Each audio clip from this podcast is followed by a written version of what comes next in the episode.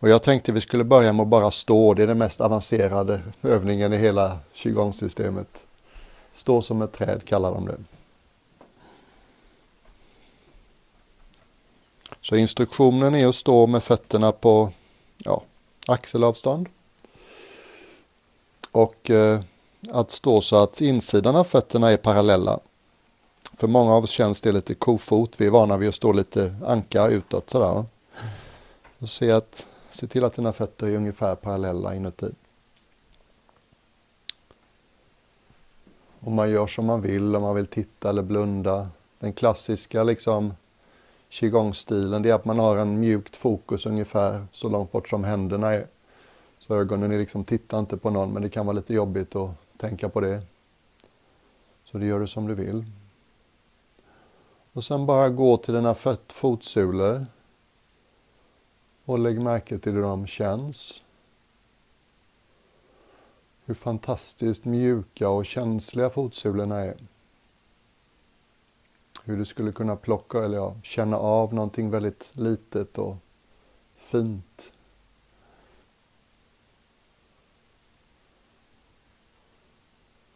Och stämma av att trampdynan och hälen på varje fot bär ungefär samma. Ibland har vi vana att stå på trampdynan och en del av oss kan ha en vana att stå på hälen. Så se, hitta någonting som känns rätt balanserat.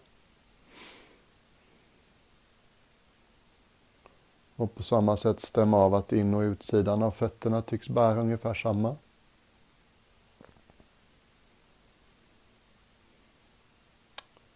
Blir du eh, vimsig under den här övningen så kan det ha med lågt blodtryck att göra, det är bara att sätta sig. Blir du akut rastlös så välkommen i klubben. det är någon sån här prägling vi har, vadå ska jag behöva stå här? Det betyder att jag måste vänta, något är fel. Jag var ganska rastlös som ung munk och en av mina kloka lärare sa Natiko, that in you which is aware of restlessness is not restless. det är dig och mig som är varse rastlöshet, är inte rastlös. Och bara på ditt eget sätt förnim den lilla platsen där du är som mest kittlig i fotvalvet i den här 3000 år gamla boken i Kina där man beskriver qigong så kallar man den här kristallkällan den platsen. Man tänker sig att vi plockar upp energi från marken under oss. Exceptionellt mycket där.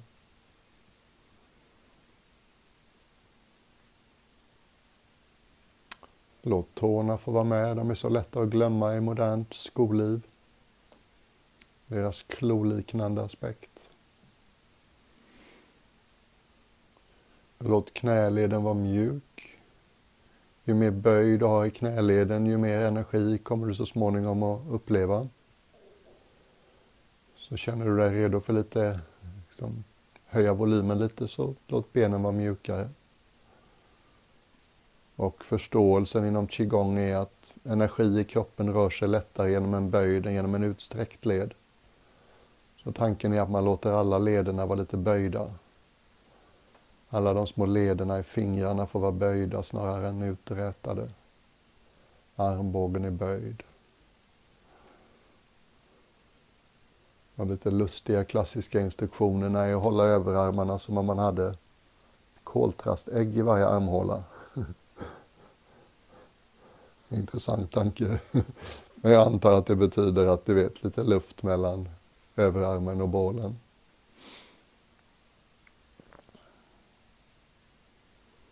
Bara checka av hur det känns i vaderna och främre delen av underbenen.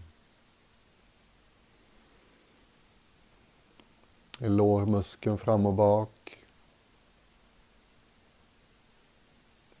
Om vi liksom lutar fram eller tillbaka så kan det bli så att fram eller baksidan är överladdad i låren. Se om du hittar något balanserat där.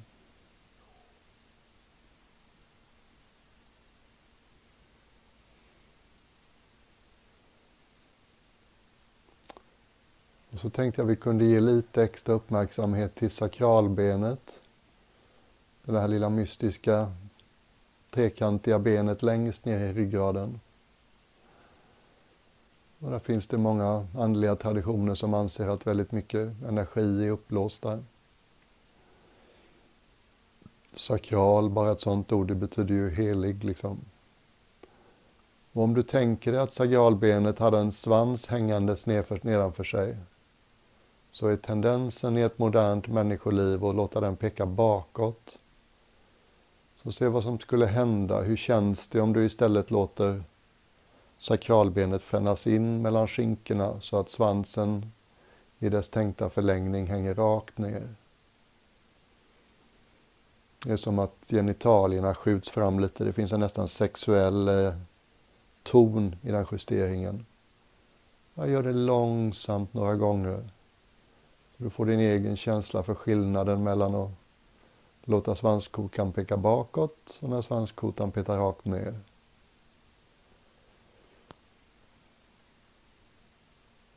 Så länge svanskotan pekar bakåt så är det som att höfterna tvingas liksom att hålla om bålen.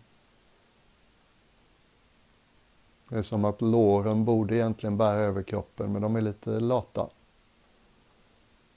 Och genom bland annat att svanskotan pekar bakåt så tvingas då istället höfterna att hålla i låren och då får vi lite spänningar eller blockeringar. Vi kan uppleva kroppen som delad här. Och förstår du inte vad jag pratar om så ta det lugnt. Men en del av er kommer känna igen det här.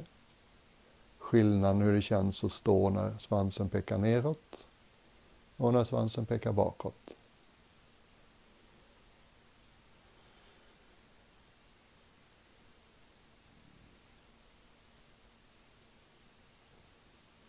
Och skanna av bäckenbotten och de här lite genanta partierna. Hur känns det kring och innanför rektum, ringmuskel? Bara en oblyg, kravlös uppmärksamhet. Hur är det där?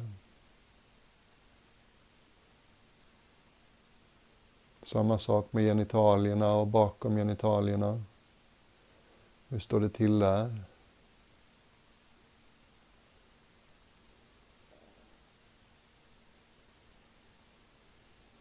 Området emellan genitalierna och rektum. Det är liksom bålens bas. Mm, de får så lite den här sortens uppmärksamhet. Så de mår bra av det.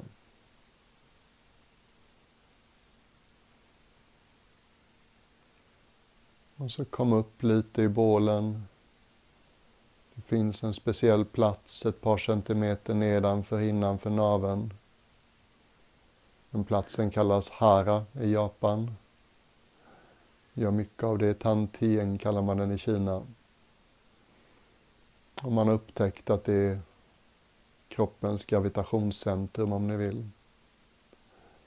När vi har den referensen med oss så blir vi mycket stadigare i livet. Tycker du det är svårt att veta vad jag menar så när du andas ut i slutet av utandningen så andas ut lite extra liksom. Och då kanske du känner hur det drar ihop sig nedanför innanför naveln. Det är haran. Och känner du då fortfarande ingenting där alls så kanske du behöver känna efter att svansen inte pekar bakåt ländryggen inte skjuter framåt eller tvärtom. Krumma bakåt.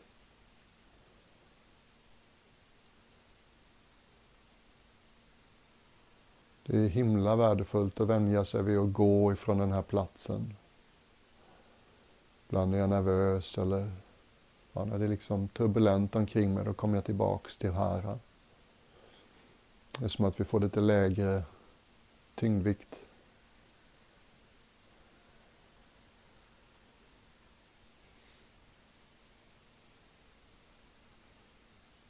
Nu har vi stått en stund och kanske har dina ben hunnit bli lite darriga. Det är inget att vara rädd för. Det är lite som en eh, kraftledning som får lite mer ström igenom sig än den är van vid.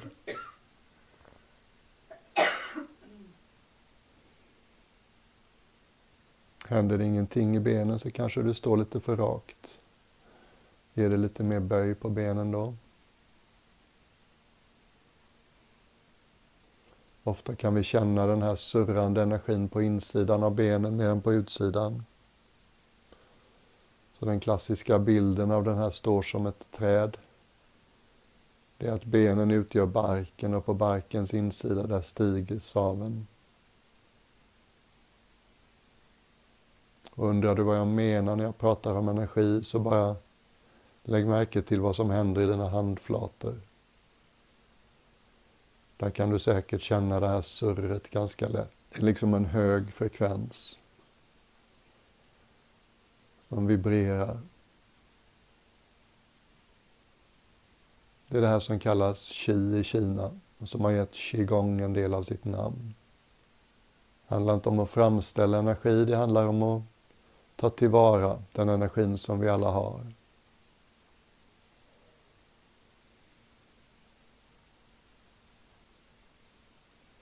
Surret i handflatorna kanske du känner lite svagare i underarmar, till och med överarmar. Ofta tar det liksom slut när det kommer upp till axlar. Ofta finns det liksom mindre utrymme där.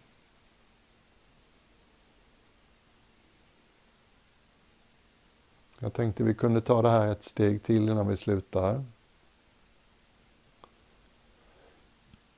Och göra en annan position som kallas hålla ballongen. Så vi står som vi står. Så tänker vi oss att vi står i en flod. Och vi har ansiktet vänt nedströms. Och när vi börjar stå i floden så når oss vattnet bara till knäna. Det är som att vi spjärnar lite grann bara för att liksom stå kvar när floden trycker på bakifrån.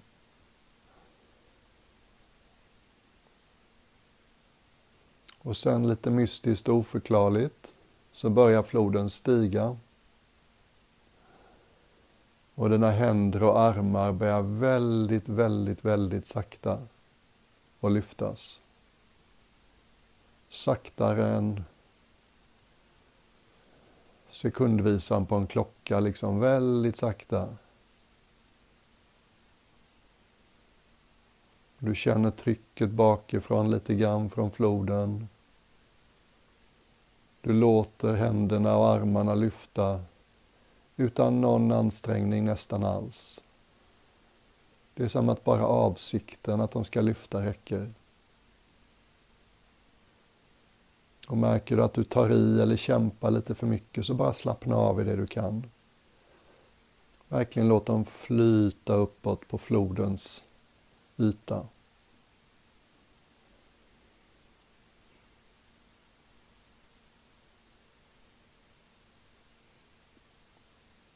Och den här märkliga justeringen som man gör i qigong. Hela tiden checkar vi. Spänner jag något jag inte behöver spänna? Anstränger jag något jag inte behöver anstränga?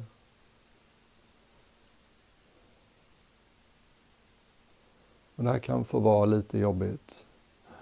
Men mitt i den ansträngningen så låter du allt som skulle kunna slappna av få slappna av. Och händerna rör sig sakta mot en cirkel framför bröstet.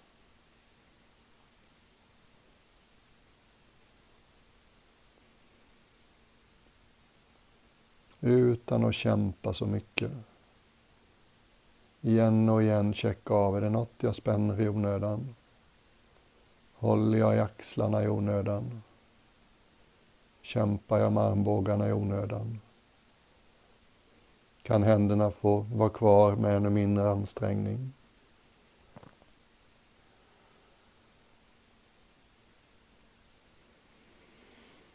Låt ansiktet vara mjukt.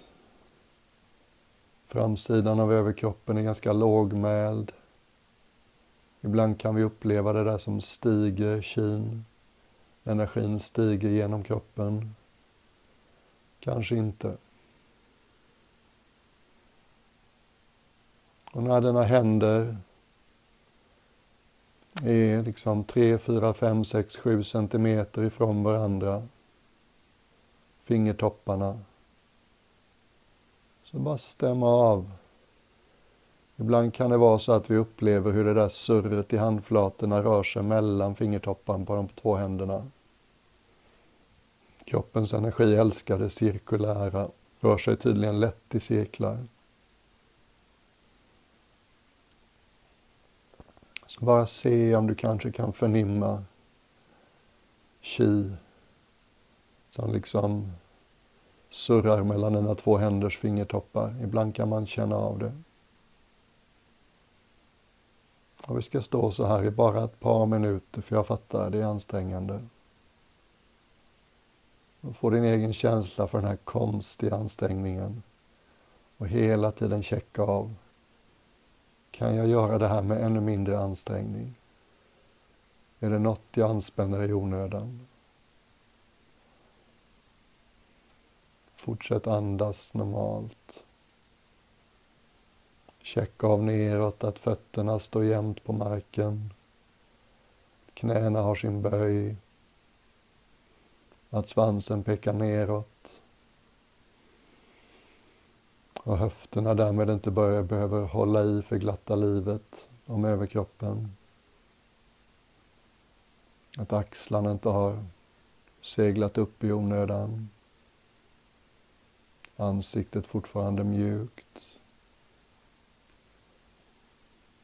Och bilden här det är som att hålla en ballong. Som om dina armar och händer vilade mot en jättestor ballong.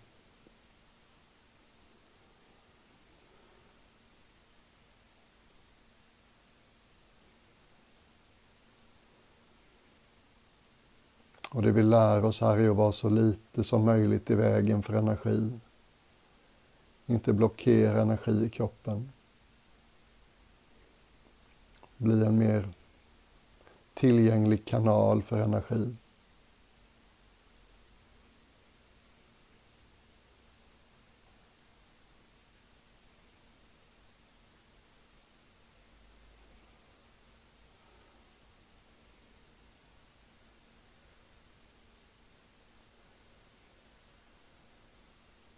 Och nu känns det som om det är ganska lagom. Så låt oss nu tänka oss att den här floden som trycker på lite bakifrån, den börjar sakta sjunka. Går väldigt långsamt. Och samma sorts udda ansträngning på väg ner. Kan jag låta händerna sakta, sakta närma sig navelområdet med minsta möjliga ansträngning.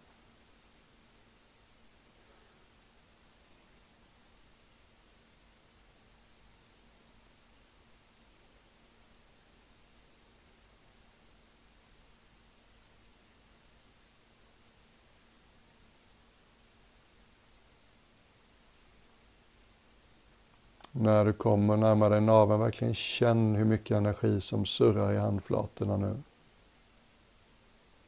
Och så lägg handflatorna så mjukt mot naveln.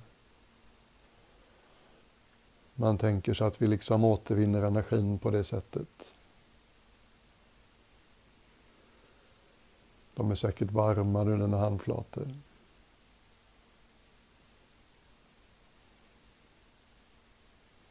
Stå i den här levande stillheten en kort stund.